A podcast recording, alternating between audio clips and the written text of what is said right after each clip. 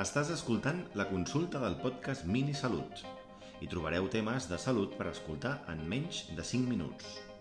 Soc Jordi Mestres, metge de tot tipus de famílies. Endavant!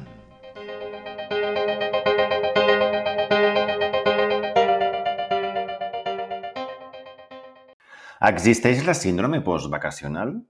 Realment no existeix una entitat clínica que es pugui etiquetar com a tal, tenint en compte que una síndrome és el conjunt de símptomes i signes que defineixen clínicament una malaltia.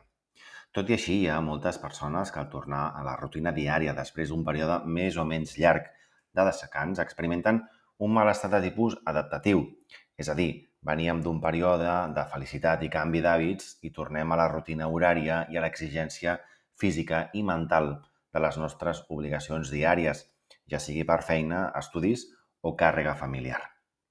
Hi ha quatre eixos que poden condicionar com l'individu afronta la tornada a la normalitat.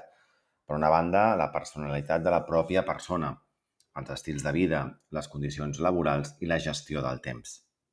Què pot experimentar una persona tot just tornant de vacances? Per una banda, molèsties físiques, com alteracions gastrointestinals, alteracions en la higiene de la son en forma d'insomni, cansament o fatiga, alteracions en l'alimentació, ja sigui amb excés d'ingesta o bé amb falta de gana. Des d'un punt de vista emocional poden aparèixer tristor, falta de concentració, nerviosisme, estrès o falta d'interès per les activitats quotidianes.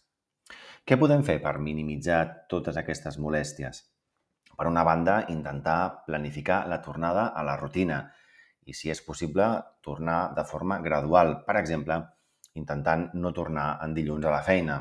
Establir estils de vida que ens ajudin, com ara alimentació saludable, activitat física regular i exercicis de relaxació.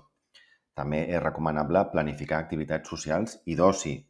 I si creieu que no ho tens tot controlat, demanar ajuda a un professional de la salut.